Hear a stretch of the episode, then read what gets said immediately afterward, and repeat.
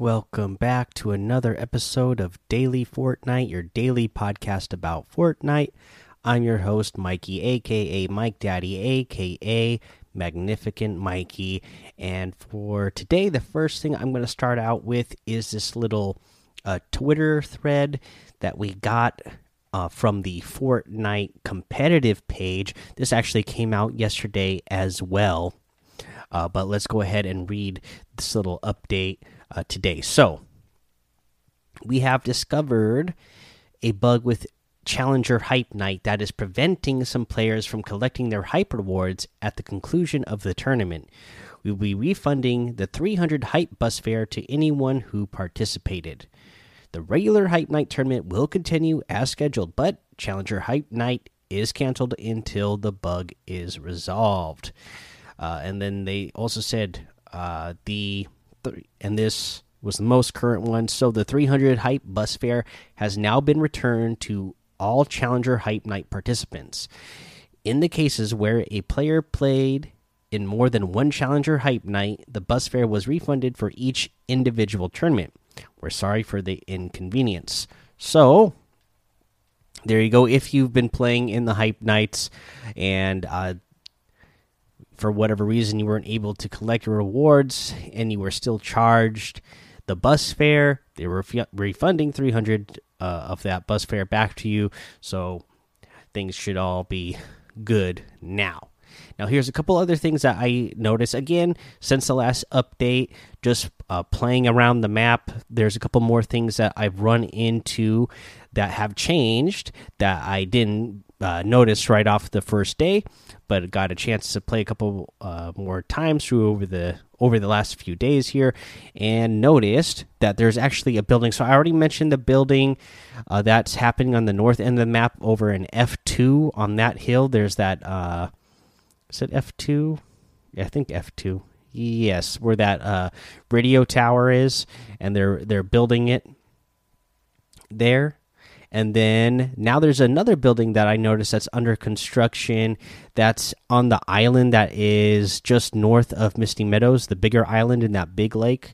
So in like F7, E7, that island, there's a building on there that it it looks the same or it has the same look as or the same type of uh, construction that's happening to it uh, on that island where you could see that there's unfinished walls and they have a bunch of uh, pallet wood pallets in there as like they're getting ready to add on to it. So that's another building.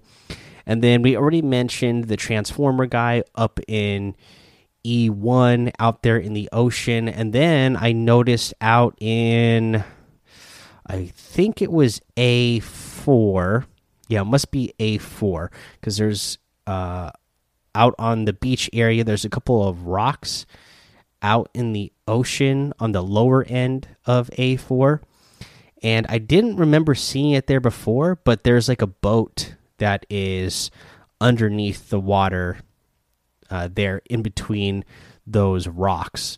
Uh, so and it's you know it's like a it's like a capsized boat. It's upside down. It's under the water.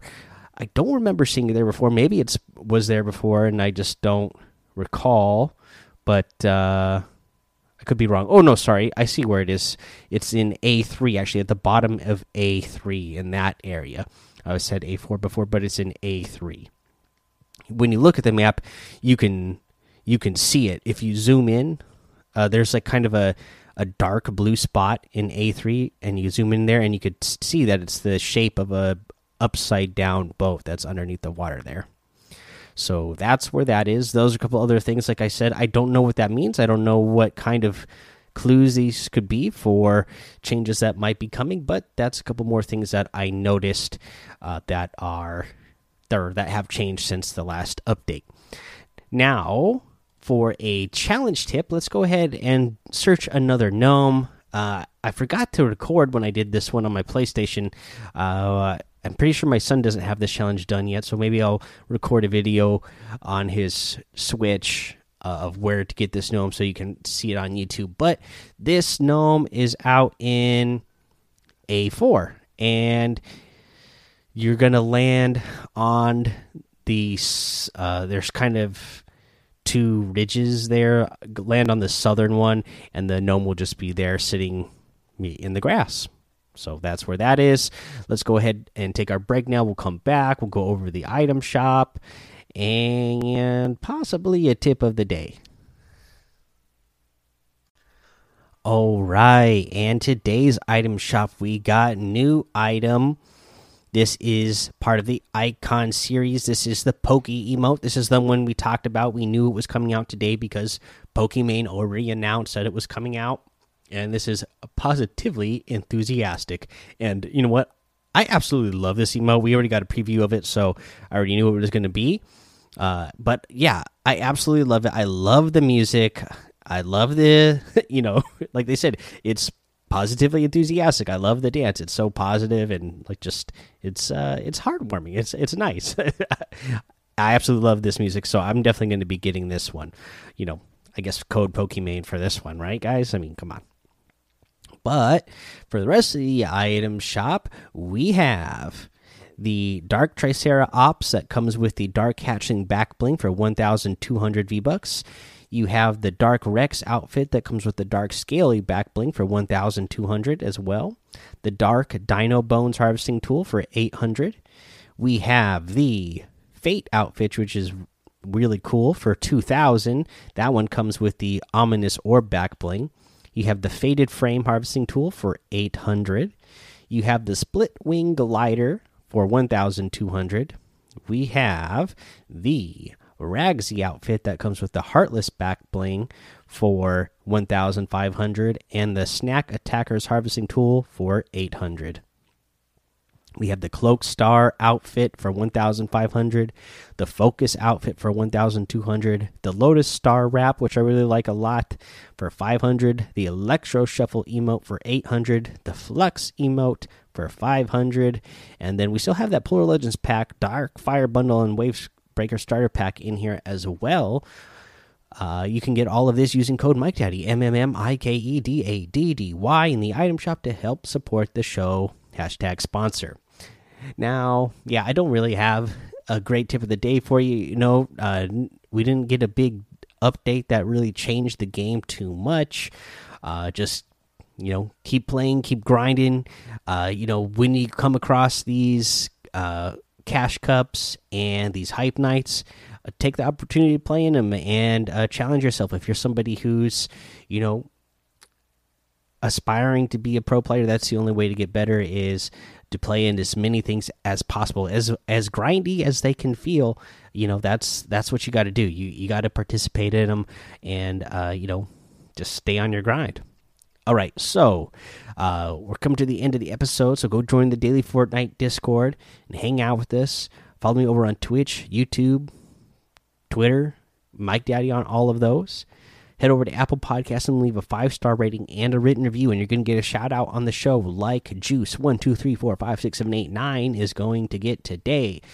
The title is Dear Mike Daddy, five star rating. It says, I am a new Fortnite player, yet age doesn't matter if you get three squad wins in a row with only three people.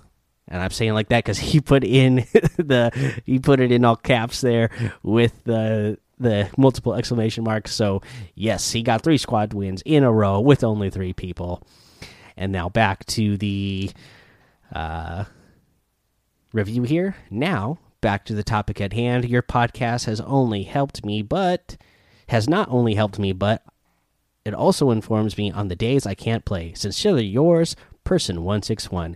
Well, thank you very much for that awesome five star rating and written review. I'm excited for you and your friends that got three squad wins in a row. That always feels good. Any win, you know, feels good to me. It still feels good to me. In fact, that reminds me, I saw some. Uh, somebody put a poll up on Twitter if you still get excited when you get uh, a victory royale in Fortnite.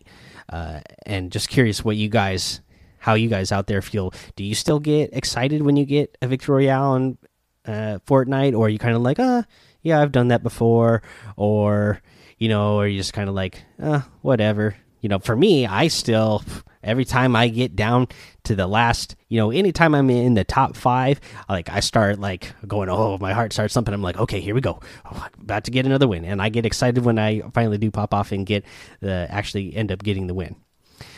Anyways, guys, that's the end of the episode. So have fun, be safe, and don't get lost in the storm.